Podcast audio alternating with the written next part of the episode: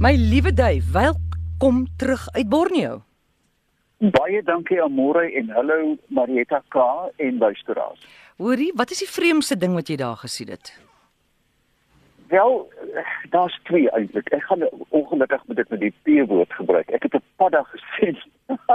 Maar wat is fout met daai woord?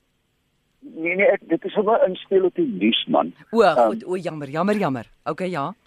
Ehm um, ek het 'n boom geskop waar daar 'n vleiende nemer ingesien het, toe, uh, gesit het. Toe vlieg die padda uit. Ek kan dit nou eers sê want dit is teen die wet. maar ek dink dit is werk merkwaardige ding. Ek kon nie slaap nie en een oggend 4 uur gaan stap ek met my flits in die reënwoud en ek hoor iets soos 'n rot wat uh saaitjies kou. Mm. Ek kyk met my flits, daar staan die lesser mousbeer, Amore, so groot soos 'n chihuahua, die wêreld se kleinste hoefdier. Dis 'n ware bok. Jy kan hom in jou hempsak sit. Um, ek het in trane uitgebars. Het jy 'n foto van daai bok? Daai bokkie. Uh, op my Facebook, jy kan gaan kyk die lesser mousbeer. Um, ek dink dit is een van die drie fotos op aarde wat bestaan van die ding.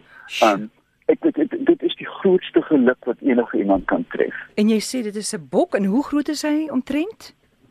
Hy weeg 1.5 kg. Sjoe. So ek meen daar's nie biltong aan die ding nie. Daar's nie eens 'n patty as jy hom sou jy weet doodslaan ja. met 'n vleeplak. Ja. Dan gaan jy nie 'n patty uit hom uitkry nie. Gits, dis interessant. Uh, Dave ons eerste vraag van Willie, hy wil weet hoe werk 'n sonpaneel? O, sonpaneel uh, bestaan uit 'n aantal selle wat uit silikon gemaak is. Ehm um, wat uh, fotovoltaïs is. Daar's hele klomp rare metale wat as jy dit bestraal met lig, um, 'n uh, 'n krag opwek. Hierdie word um, dan 'n uh, reekse van hulle word in in in in series um, bymekaar gesit en dan kan op afhangende van hoe dit bedraad is kan jy 12 volt, 32 volt of wat ook al kry.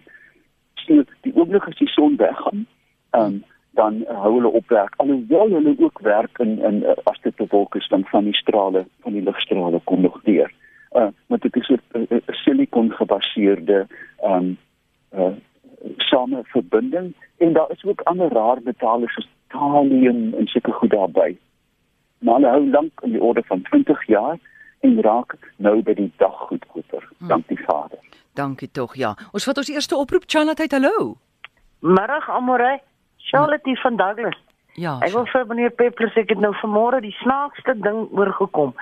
Die son nou opkom. Kyk as die maan mos nou volmaan is en hy kom op, dan kan jy so vir hom staar soos of jy in die spieël kyk, né? Nee. Jy is nie verblind nie, dis 'n groot volmaan. Nou staan ek, ek ken die son soos ek kom doppe. Staan ek op in hierdie groot rooi bal, die son is al oor die koppie. Staan ek en ek kyk vir hom soos of ek in die spieël kyk. Dis die eerste keer wat dit oorkom. En die son kom op, daai groot rooi bal. Daar sien daai verblindende strale soos gewoonlik nie. Ek het nou gedink, wat gaan nou met die son aan? Is dit normaal? Ek is maar net nuuskierig. Dave?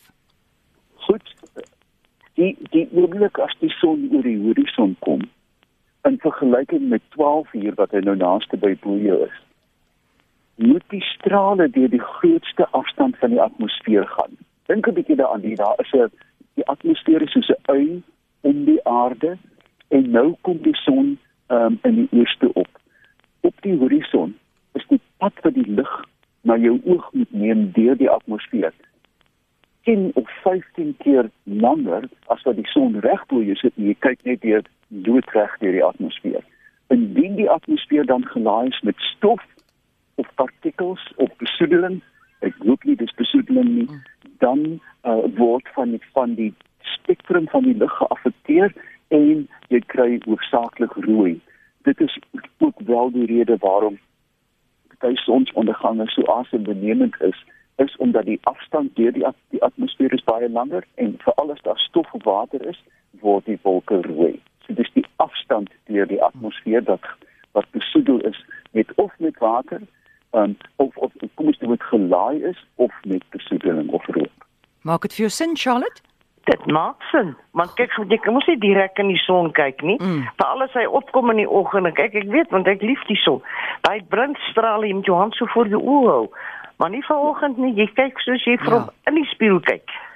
Goed. Ja, nee nee, nee ek ek ek hoor, ek dink ook net 'n 'n waarskuwing aan aan almal om onder om geen omstandighede ooit na die son te kyk met die naakte oog nie. Uh dit veroorsaak kuts en en permanente skade. En mens moet dit nooit doen nie.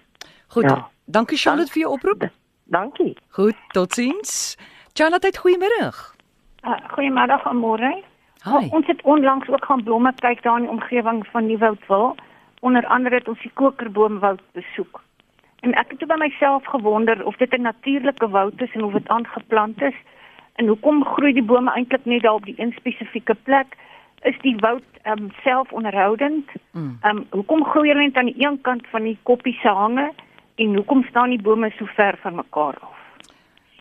Hallo Dave. Liewe liewe hemel, dis 'n mond vol. Mm. Ek was nog nie by daardie woud nie, maar daar's 'n hele aantal soos 'n mens noodry, ehm um, wat jy aanduiding sien kokerboomwoude. Een van die probleme deesdae is dat die klimaatsverandering is genade. Kokerbome, is jy nog daar aan? Ek is nog hier so, dankie. Uh, is besig om uit te sterf. 'n uh, 'n half graad weers, weerstand te doen maak hulle flou. Die rede hoekom bome aan uh, aan 'n sekere hang, um, eintlik wat sy van praat is 'n aspek. Met ander woorde, die bome groei aan die noorde kant waar dit warmer is. Um, 'n mens kan dit enige plek sien op 'n op 'n duin in die Kalahari dat daar dat daar ingrypende verskille is tussen die aspek, suidelike hang, noordelike hang, westelike hang, oostelike hang. So hulle verkies uh, as ek dit reg het, die noordelike hange. Mm. Die woude is heel moontlik renante van 'n vorige weierverspreiding. En hier is dan 'n- historiese oorblyfsel. Um ek ek ek ek is nie 'n koekenboom kundige nie, maar ek weet een dat hulle besig is om uit te sterf of, of te vrek in, in groot getalle, twee dat hulle sekere hange verkies of aspekte verkies. Uh drie dat hulle wel selfonderhoudend is en vier dat dit besmoontlik as in dat hulle in vroeë tye weier versprei was en dat hierdie die soort van oorblywende eilande is. Goed. Dankie vir daai vraag. Dani Grobler wil weet wat is manna en waar kry 'n mens dit? Wel uh uh um, jy sal die eerste drie boeke van die Bybel dit kry. Mhm. Um so ja, manna en uh, ons is nie seker nie want die vertaling uh, is vaag en en en onexakt.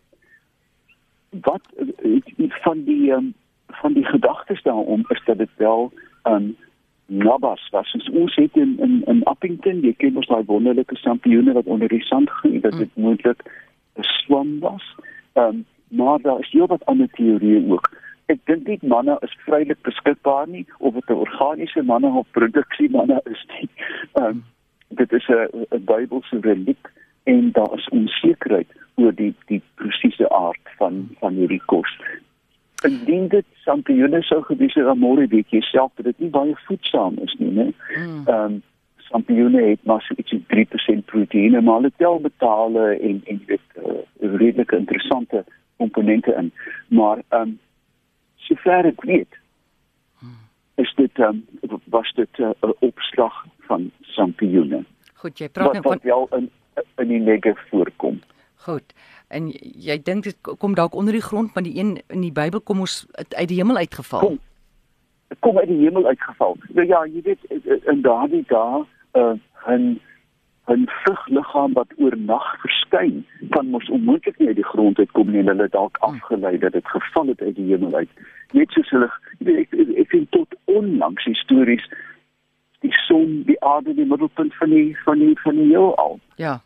En, en net so met die manne, uh, jy weet dit 'n sampioen ja. oornag opkom. Hoe anders kon hulle gedink het dit het geval? Dit kon nie onmoontlik van onder af gekom het nie. Goed, en dan sê Bernice, sy hoor nou jy praat van hierdie klein bokkie wat jy in Borneo gesien het.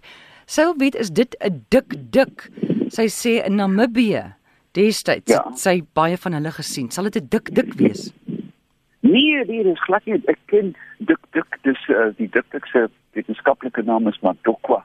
Um dik dik is viermal of so groot soos hierdie bokkie. Um alhoewel die dik dik baie klein is. Hulle is pragtige klein diertjies met met, met skerp horinkies, die dik dik en hulle het ook wat hulle interessant maak, byna soos honde wat teen pale pien, het hulle uh, interessante groot kliere onder die oog waar uh, wat bekend staan as 'n preorbitale klier waarmee hulle vir al die rammetjies hulle hulle tuisgebiede afmerk. Wat nog meer interessant is, hulle hulle stap na 'n stokkie toe en dan druk hulle die stokkie binne in die gaatjie en swaai die kop.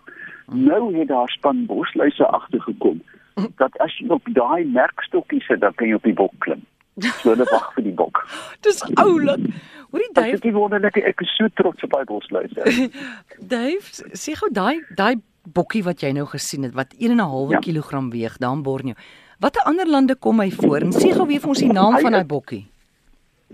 In Indochina. Met ander woorde die Indochina. die argitel van van Indonesië. Mm. Ek is nie seker nie, hy kom op 'n paar plekke. Daar's die greater wat nou 'n bietjie groter is, maar ek het die groot groot geluk gehad om die lesser te sien. Ek sal dit vanaand weer op my Facebook duikbitler.co.za plaas dat mense net kan kyk hoe merkwaardig klein die dingetjie is. Goed. Dave, baie dankie. Ons is so bly jy's terug. Ons het verlang om direk met jou te praat en dankie vir al hierdie inligting. Maar goed, dit is 'n groot plesier en lekker aand vir julle. So gesels Dave Peppler.